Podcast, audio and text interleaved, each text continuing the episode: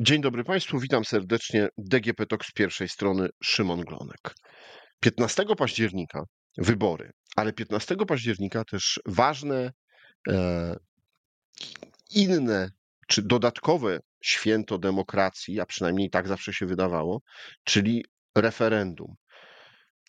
Pytanie, pytania o to, co i w jaki sposób władza ma postępować. E, wszyscy obywatele mogą się wypowiedzieć, ale tegoroczne referendum budzi wiele kontrowersji. Przez to, jak zostały sformułowane pytania, e, przez to, e, w jaki sposób jest wydźwięk polityczny tego referendum, wiele osób zastanawia się, czy brać w nim udział. Wiele osób zastanawia się, czy referendum jest obowiązkowe. Między innymi o tym porozmawiam dzisiaj z panem profesorem Stanisławem Biernatem, sędzią, e, wiceprezesem Trybunału Konstytucyjnego w latach 2010-2017. Dzień dobry, panie profesorze. Dzień dobry. Panie profesorze, czym jest referendum? Bo myślę, że warto, żeby wybrzmiało to i żeby słuchacze usłyszeli. Referendum według Konstytucji, według artykułu 4 jest sposobem e, udziału narodu w sprawowaniu władzy. U nas zasadą jest sprawowanie władzy przez e, naród przez, za pośrednictwem przedstawicieli, czyli, e, czyli, czyli posłów, senatorów. Natomiast możliwe jest także sprawowanie władzy bezpośrednio i tym właśnie jest referendum, które zresztą też jest unormowane bardziej szczegółowo w Konstytucji i tam powiedziane jest, że referendum może być przeprowadzone w sprawach o szczególnym znaczeniu dla państwa. I, i z takim e, właśnie referendum, przynajmniej formalnie, mamy do czynienia teraz. Czyli każdy obywatel, który ma pełnię praw wyborczych, może wziąć udział w referendum i może się wypowiedzieć na temat najważniejszych strategicznych dla państwa e, zagadnień, wyzwań. Tak powinno być. E, tak, no e, te same osoby, które mają czynne prawo wyborcze w wyborach do Sejmu i do Senatu, mają prawo udziału w referendum.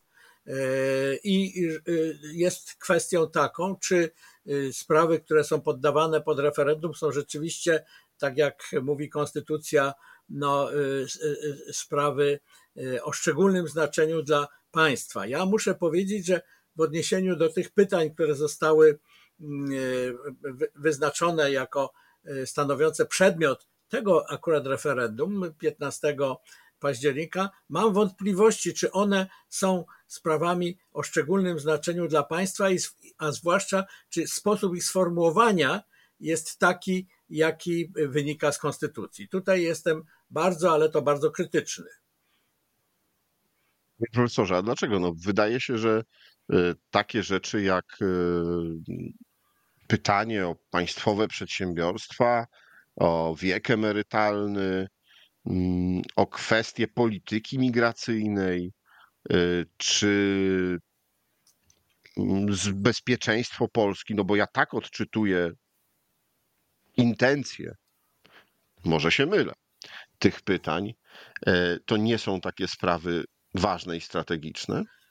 Sposób sformułowania tych pytań jest wyraźnie nierzetelny, jest wyraźnie sugerujący odpowiedzi, zawiera pewne takie określenia o zabarwieniu emocjonalnym negatywnym, i to jest na pewno niezgodne z regułami sztuki i, i, i na pewno jest niezgodne z konstytucją, ponieważ pytania powinny być formułowane w sposób neutralny, taki, które rzeczywiście dają e, wyborcom e, możliwość wyboru, e, czy między A albo B, albo C w przypadku referendum, które jest sformułowane wariantowo, albo tak czy nie. Natomiast tutaj, jeżeli popatrzymy na te pytania, no niektóre z nich, no to są one wyraźnie, e, no takie można powiedzieć, e, właściwie sformułowane politycznie, prawda? Czy popierasz wyprzedaż majątku państwowego? Wyprzedaż to jest słowo, które już jest zabarwione emocjonalnie.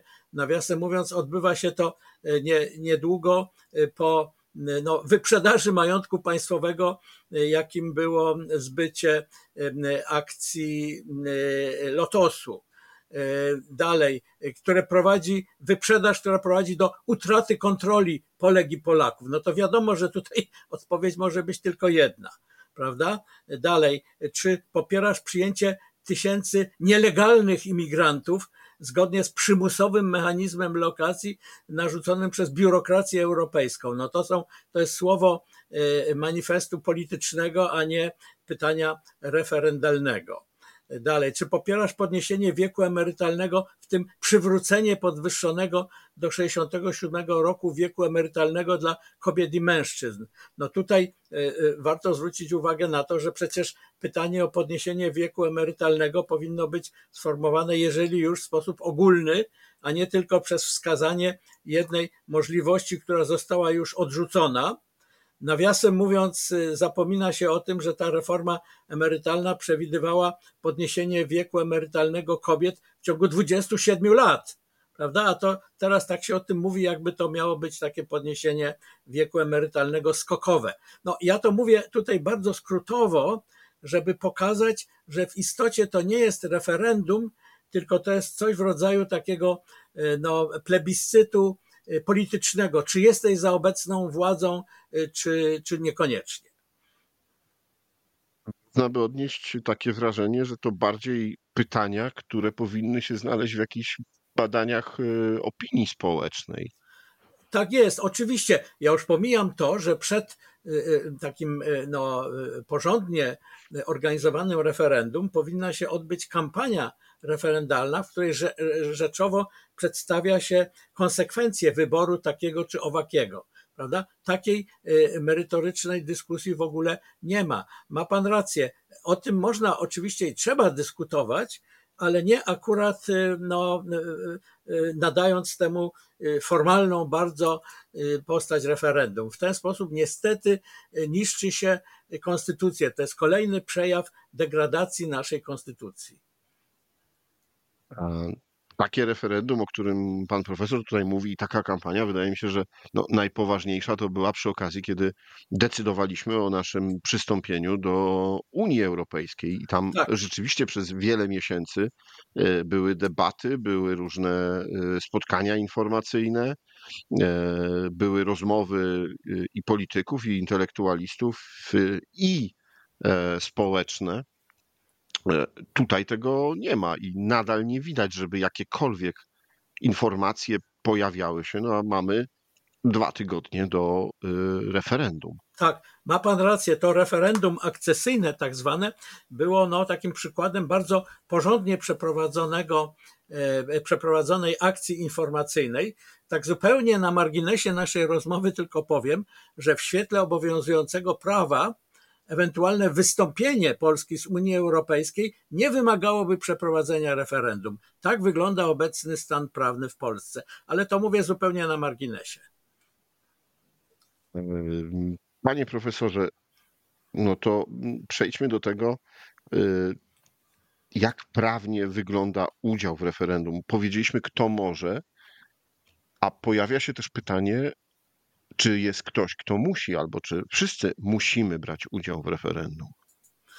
Tak, no więc y, zdecydowano się na przeprowadzenie referendum w tym samym czasie, w tym samym dniu, w którym przeprowadza się wybory do Sejmu i Senatu i przeprowadzenie referendum przez tę samą komisję, przez te same komisje wyborcze, z tą samą urną wyborczą i tak dalej, z całym tym można powiedzieć takim oprzyrządowaniem E, no, instytucjonalnym i, i, i z taką tą infrastrukturą, także czysto techniczną.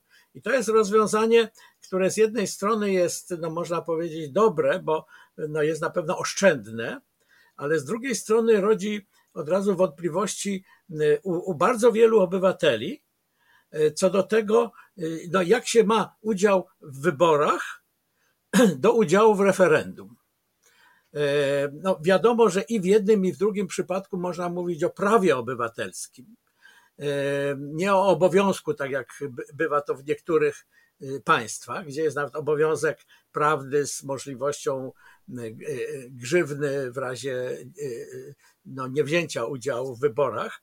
U nas jest to i w jednym, i w drugim przypadku prawo obywatelskie, ale pytanie jest takie, czy mogę korzystać z mojego prawa wyborczego, do Sejmu i do Senatu, a niekoniecznie sprawa udziału w referendum. Jeżeli no, oceniam zwłaszcza to referendum, tak jak ja przed chwilką zarysowałem, czyli jako pewien no, no, akt deklaracji politycznej, a nie e, e, prawdziwy wybór między możliwościami przedstawiony narodowi bezpośrednio. I może, jeśli pan pozwoli. To... Przepraszam, tutaj przerwę na moment, bo myślę, że jeszcze ważną rzeczą jest to, kiedy referendum e, jest e, ważne, bo to też wiele osób zastanawia, czy jeśli pójdę i odpowiem tak jak chcę, czy tak, czy nie na te pytania, e, to na przykład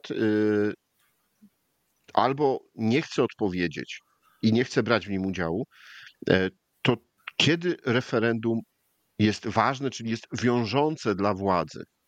E, e, tak, dziękuję bardzo, że Pan e, przypomniał mi o tej istotnej kwestii, od której trzeba tutaj rzeczywiście zacząć. Otóż, czym innym jest ważność referendum, czyli to, czy zostało, czy zostało ono przeprowadzone, no można powiedzieć, rzetelnie, bez naruszenia przepisów prawa, a czym innym, i, i na tym chciałem się skupić przez moment, jest to, czy wynik referendum jest wiążący i tutaj konstytucja powiada w artykule 125 ustępie 3, że jeżeli w referendum ogólnokrajowym wzięło udział więcej niż połowa uprawnionych do głosowania, wynik referendum jest wiążący.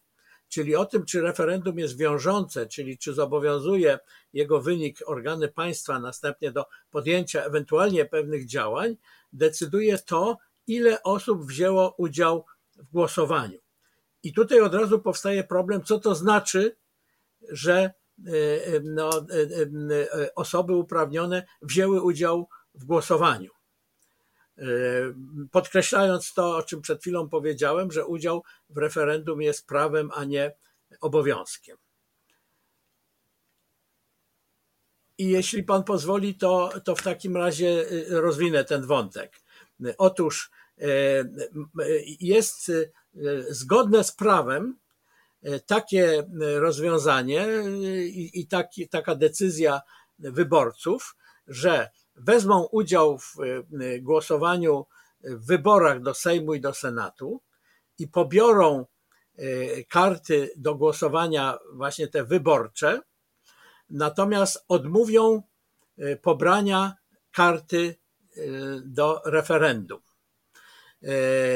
otrzymuje się, w, e, e, czy ma się otrzymać trzy karty i dana osoba może powiedzieć, e, te dwie karty biorę, a za tą trzecią dziękuję. Czyli odmawiam udziału w referendum. I wówczas taką odmowę pobrania tej karty odnotowuje się na karcie w spisie osób uprawnionych do głosowania Tutaj jest kwestią taką no, dyskutowaną, kto to robi, czy to robi sam wyborca, czy to robi e, e, członek komisji wyborczej, ale z tego, co e, czytam w informacjach Państwowej Komisji Wyborczej, no to taką adnotację dokonuje członek obwodowej komisji wyborczej. I tutaj od razu powstają liczne wątpliwości. Mianowicie ktoś może powiedzieć najpierw tak, no czy to jest rozwiązanie zgodne z konstytucją i czy przez takie, e, przez taką adnotację nie narusza się e, taką konstytucyjną zasadę, jaką jest tajność głosowania, prawda? Bo tutaj, jeżeli ktoś e, będzie miał zaznaczone przy swoim nazwisku, że nie wziął udziału w referendum, no to to jest y, y, jawne, przynajmniej dla tych osób, które mają dostęp do takiego spisu, spisu wyborców. Y, I co więcej, tutaj wątpliwość może dotyczyć tego, czy przypadkiem udział, odmowa udziału w referendum no nie będzie mm, w jakiś sposób mm, taka odmowa, czy nie będzie szkodliwa dla wyborcy, to znaczy, czy nie będzie od razu oznaczać wyrażenia swojej woli, e, swojej pozycji politycznej. w tej sytuacji, kiedy to referendum jest takie, nie, znaczy te pytania referendalne są tak nierzetelne i tak nasycone emocjonalnie no, w określony sposób, to odmowa udziału w referendum będzie od razu odczytana jako akt niechęci w stosunku do obecnej władzy. I, i, to, I to są obawy słuszne, trafne, zwłaszcza w małych społecznościach, na wsiach czy w małych miasteczkach, kiedy wszyscy, gdzie wszyscy się znają, e, gdzie e, członkowie komisji wyborczej e, czy mężowie zaufania to mogą być sąsiedzi, wyborcy, albo to mogą być osoby no, zatrudnione na przykład w, w gminie czy, czy w jakichś innych instytucjach. I kiedy w kolejce stoją sąsiedzi, to ktoś może się obawiać wyrażenia swojej woli Y, no, y, odmowy y, wzięcia takiej karty referendalnej. To jest bardzo poważny problem, ale jeśli można, to ja tutaj pociągnę ten wątek i zwrócę uwagę na bardzo istotną kwestię. Mianowicie ta, to kworum, od którego zależy wiążąca znaczy przepraszam, nie kworum, ale ta liczba osób uprawnionych do głosowania, która decyduje o tym, czy wynik referendum jest wiążący, nie zależy od liczby kart referendalnych pobranych od komisji wyborczej. Ta liczba, ta połowa osób uprawnionych liczy się od tego, ile ważnych głosów zostanie wrzuconych do urny wyborczej i następnie wyjętych z tej urny i przeliczonych. Czyli decydujące nie jest e, samo pobranie karty e, referendalnej, tylko decydujące jest wrzucenie takiej karty do urny. I to jeszcze chodzi tutaj o, o, o, o kartę ważną, czyli na przykład nie bierze się w takim przeliczeniu E, kart no, e, e, w pełni przedartych prawda, na, na, na dwie czy więcej części.